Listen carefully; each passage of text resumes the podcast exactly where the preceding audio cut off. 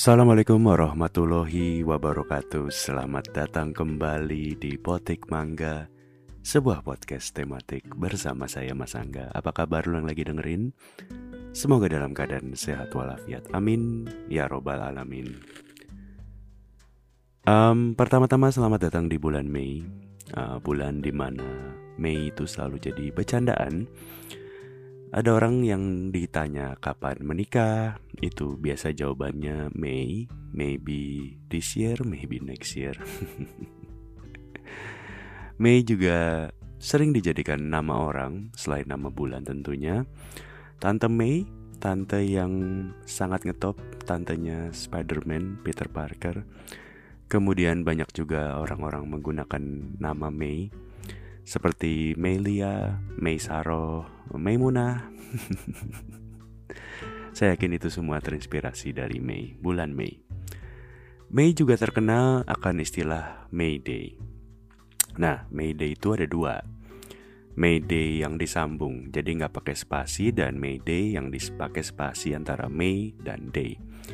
May Day yang tidak pakai spasi alias disambung semuanya, M A Y D A Y, itu ngetop karena sering dipakai atau digunakan menjadi panggilan darurat. Biasanya dipakai oleh pilot, polisi, pemadam kebakaran, ya banyak apa ya um, instansi lah yang menggunakan Mayday untuk panggilan darurat. Jadi Mayday itu yang panggilan darurat ini konon adalah asalnya dari bahasa Perancis. Jadi secara tulisan itu bedanya kan kalau yang kita kenal itu kan Mede M A Y D A Y.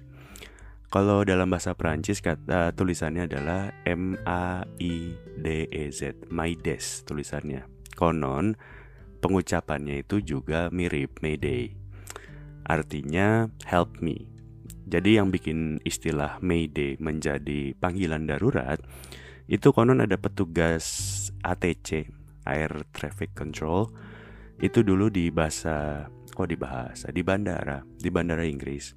Jadi dia yang bilangin tuh kalau lo lagi ada di daerah Perancis atau lo lagi mendapati kesulitan di sekitaran Perancis lo ngomong aja Mayday Mayday Mayday yang akhirnya diucapkan sampai sekarang. Karena supaya apa? Supaya orang Perancis sana ngerti dan bisa ngasih tolong atau ngasih lo bantuan. Kurang lebihnya kayak gitu secara sejarah.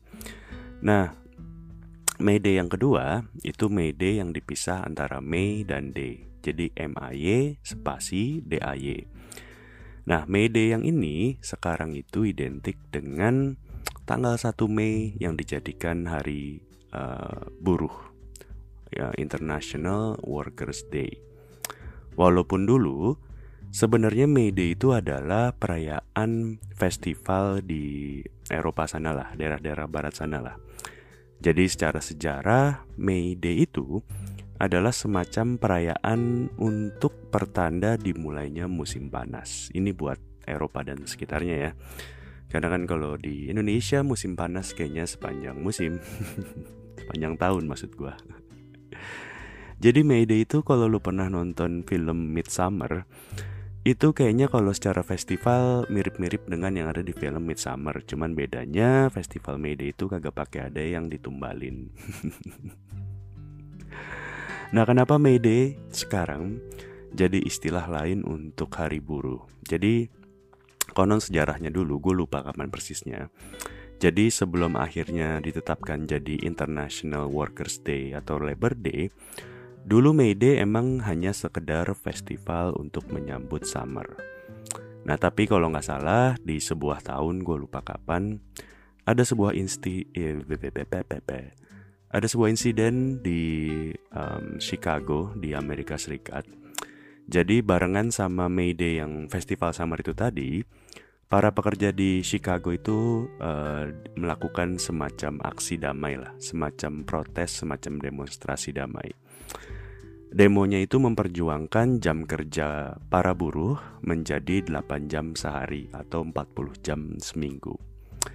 Kalau lu bertanya sebelum mereka protes itu, dulu itu jam kerja para buruh itu bisa sampai 10 hingga 16 jam per hari. Dan itu wajar. hampir semua pabrik memperlakukan jam kerja seperti itu. Nah, makanya para pekerja itu demo untuk mendapatkan jam kerja yang manusiawi. Nah, pada saat demo yang barengan sama May Day yang festival summer itu, ada sebuah insiden yang sangat apa ya, membekas lah.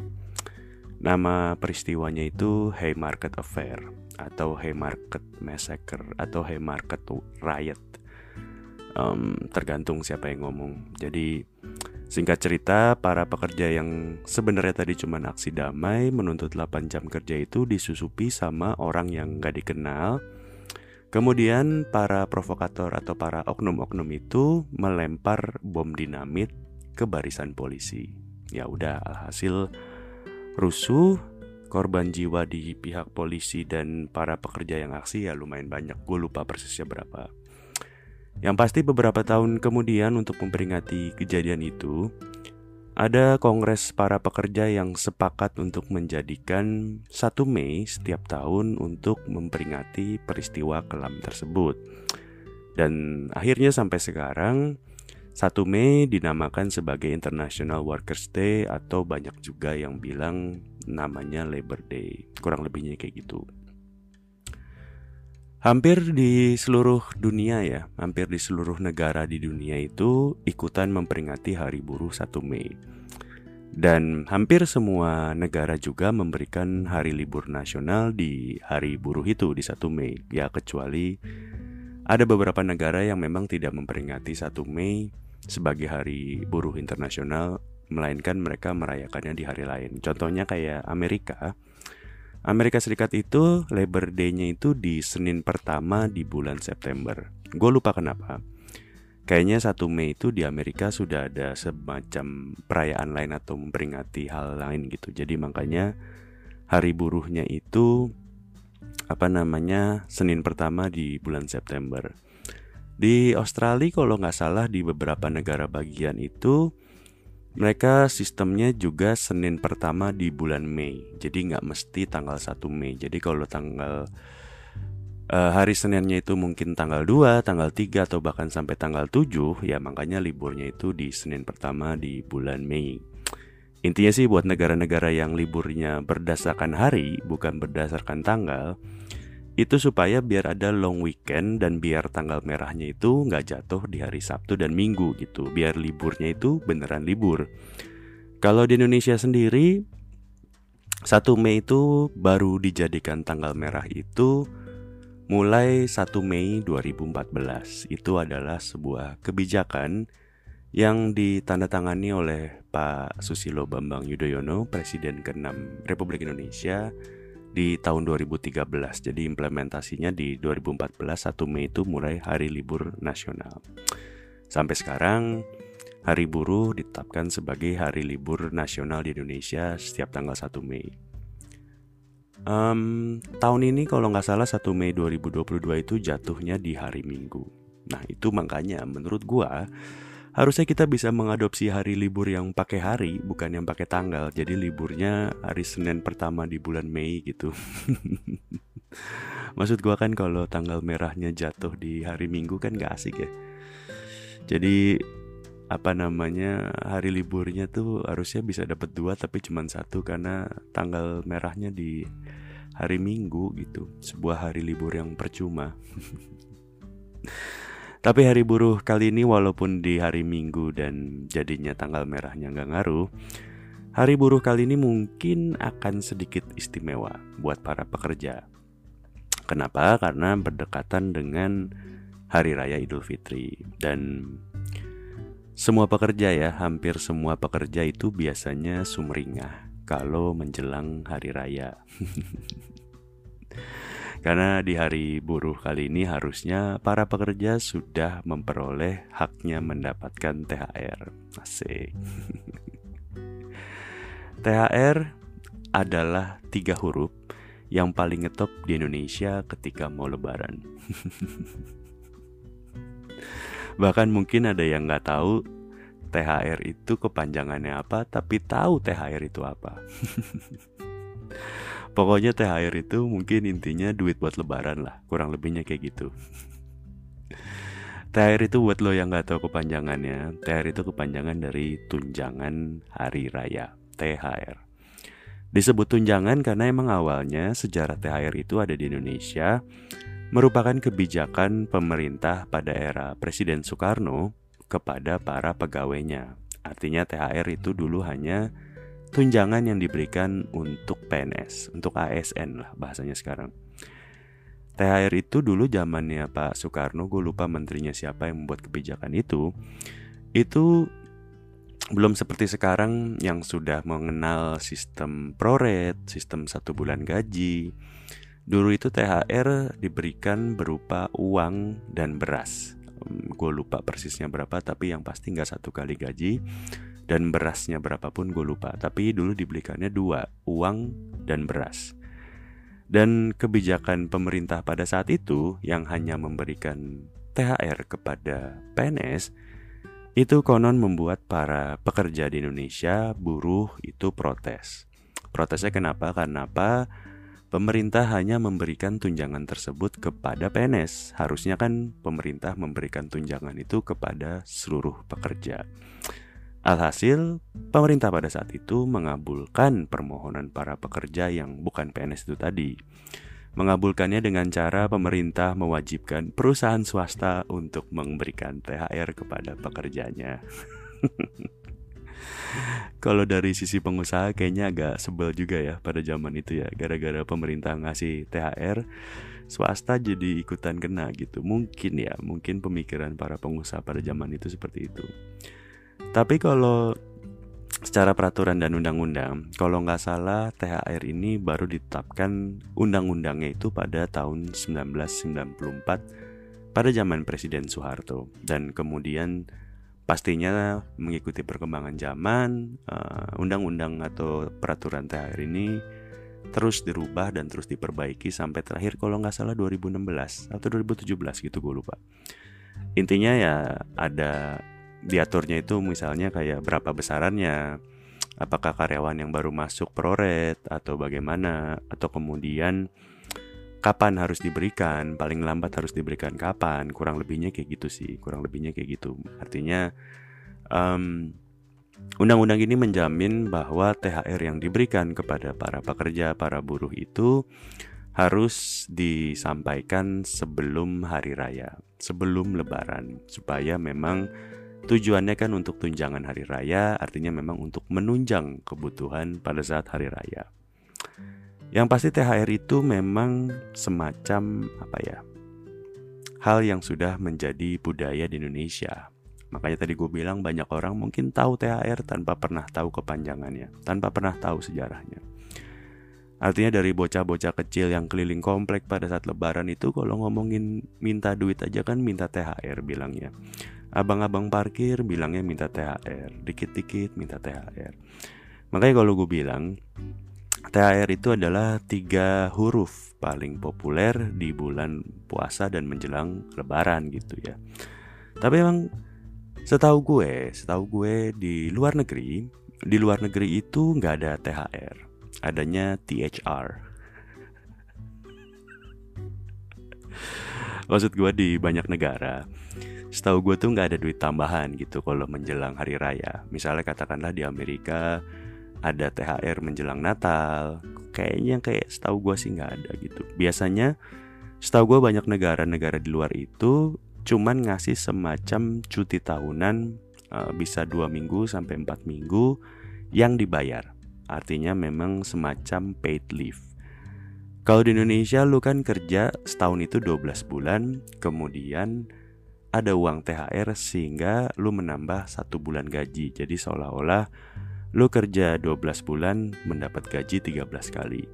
Nah kalau di luar negeri lo tetap kerja selama 12 bulan dan tetap memperoleh gaji sebanyak 12 bulan juga, tapi ada masa di mana selama 2 sampai 4 minggu, kurang lebih satu bulan, lo bisa libur dan tetap digaji. Jadi kasarnya lo kerja 11 bulan, gajiannya 12 bulan.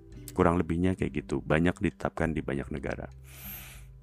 Ada satu negara kalau gue nggak salah lo bisa google sendiri yang mungkin secara sistem tidak sama persis seperti THR.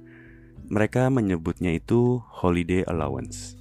di Belanda itu memang apa ya uh, negara yang memberikan kebijakan holiday allowance karena di sana tidak ada THR, adanya THR. Jokesnya diulang. Jadi ada holiday allowance di Belanda. Jadi, tadi kan gue bilang selama setahun lo mendapat cuti 2 sampai 4 minggu. Cuti 2 sampai 4 minggu itu kan dibayar. Nah, di Belanda selain duit gaji lo tetap ada, lo mendapatkan holiday allowance tahun sekali. Makanya mirip kan sama THR. Ini adalah sebuah uh, uang yang diberikan setahun sekali untuk lo.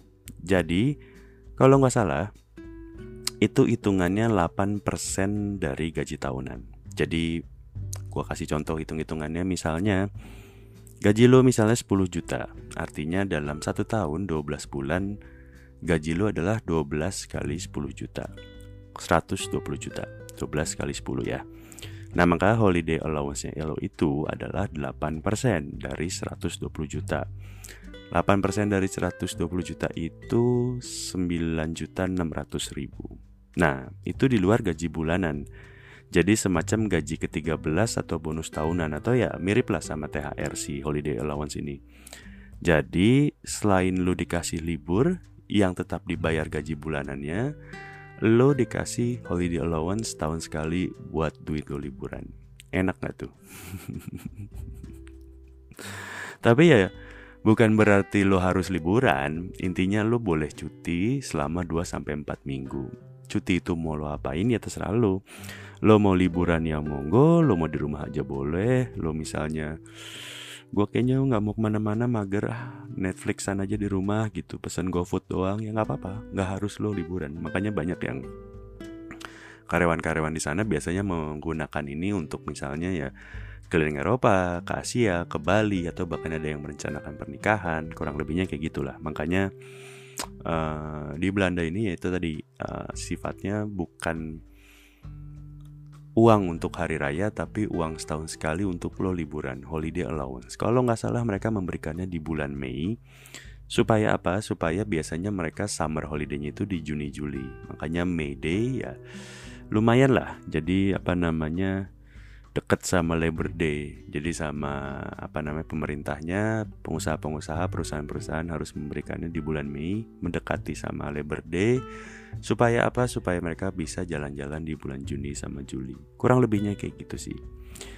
Ya itu tadi gue bilang apa namanya um, mungkin di Belanda itulah yang paling dekat dengan THR yang ada di Indonesia ya terlepas dari lo liburan atau enggak lo mau di rumah doang duit lo mau simpen lo mau tabung lo mau beli ini beli itu intinya lo dapet 2 sampai 4 minggu boleh liburan. Bebas lo mau ngapain aja. Lo mau nonton Netflix lo mau di rumah aja gitu. Nggak ada istilah nanti pada saat masuk lo harus ngumpulin esai ngarang bebas tentang topik liburan di rumah nenek. Nggak ada itu. Jadi balik ke Indonesia THR itu memang sejarahnya untuk membantu para pekerja menghadapi perayaan Lebaran. Walaupun memang gue pernah baca um, THR itu kan kebijakan pemerintah pada saat itu ya. Itu kayak semacam strategi politik saat itu untuk uh, mendukung pemerintahan yang ada. Tapi menurut gue apa pun itu kebijakannya di masa lalu sampai sekarang THR masih tetap ada dan THR adalah hal yang mungkin dinanti banyak orang ketika mau lebaran gitu baik dari orde lama kebijakannya dari zaman Pak Soekarno sampai sekarang gitu. Artinya memang THR itu menurut gua hmm, apa ya bahasanya THR itu menurut gua sejatinya memang bagi kebanyakan orang itu bukan untuk disimpan secara pribadi gitu. Karena biasanya THR itu akan dibagi-bagikan lagi THR itu biasanya akan dibagi-bagikan lagi. Dan paling sering sih biasanya dibagikan ke mall-mall terdekat ya. Ada yang ke counter HP, ada yang ke toko baju, ada yang ke toko sepatu gitu. Bebas sih, yang penting biasanya pada umumnya dibagikan ke mall-mall terdekat. Tapi nggak cuma mall, ada juga yang membagikannya ke pasar-pasar tradisional seperti ke tukang daging, ke tukang ketupat, dan lain-lain sebagainya untuk persiapan di Hari Raya Idul Fitri. Sisanya baru buat zakat dan sedekah. Itu juga kalau masih ada sisa. ya udah, intinya menurut gua buat lo yang mendapatkan THR selamat menikmati THR bagi yang mendapatkan dan menikmati.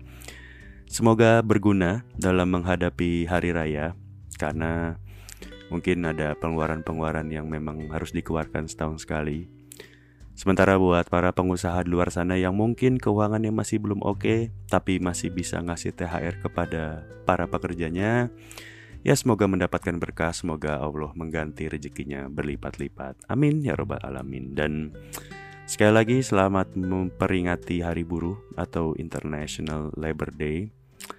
Dan buat elo-elo yang masih mencari rezeki dengan cara bekerja, dengan orang lain apa pun bentuknya itu sejatinya lo adalah buruh.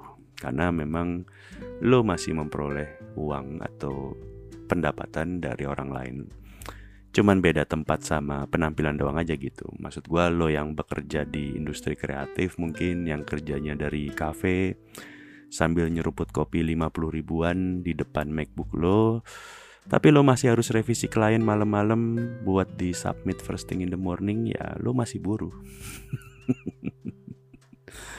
Bedanya cuman lo nggak perlu absen pagi absen pulang atau mungkin lo nggak pakai seragam gitu. Yang satu hal yang mesti lo ingat kita semua ini kita semua sebagai pekerja lo gue kita semua berhutang pada pergerakan para buruh di masa lalu. Maksud gue kayak gini karena sejatinya tanpa protes mereka nggak ada tuh yang namanya jam kerja 8 jam sehari gitu. Lo mungkin harus kerja di 10 sampai 16 jam sehari. Hari kerja pun demikian. Nggak ada tuh hari kerja yang lima hari seminggu gitu. Lo mungkin masih wajib masuk tiap hari Sabtu gitu. Dan tentunya ya THR kalau mungkin dulu para pekerja tidak memprotes kebijakan pemerintah pada saat itu ya mungkin sampai sekarang cuman PNS yang dapat THR intinya selamat Hari Buruh, selamat uh, memperingati International Labor Day. Selamat Hari Raya Idul Fitri juga karena sudah dekat Hari Raya Idul Fitri. Mohon maaf lahir dan batin. Ya udah, assalamualaikum warahmatullahi wabarakatuh.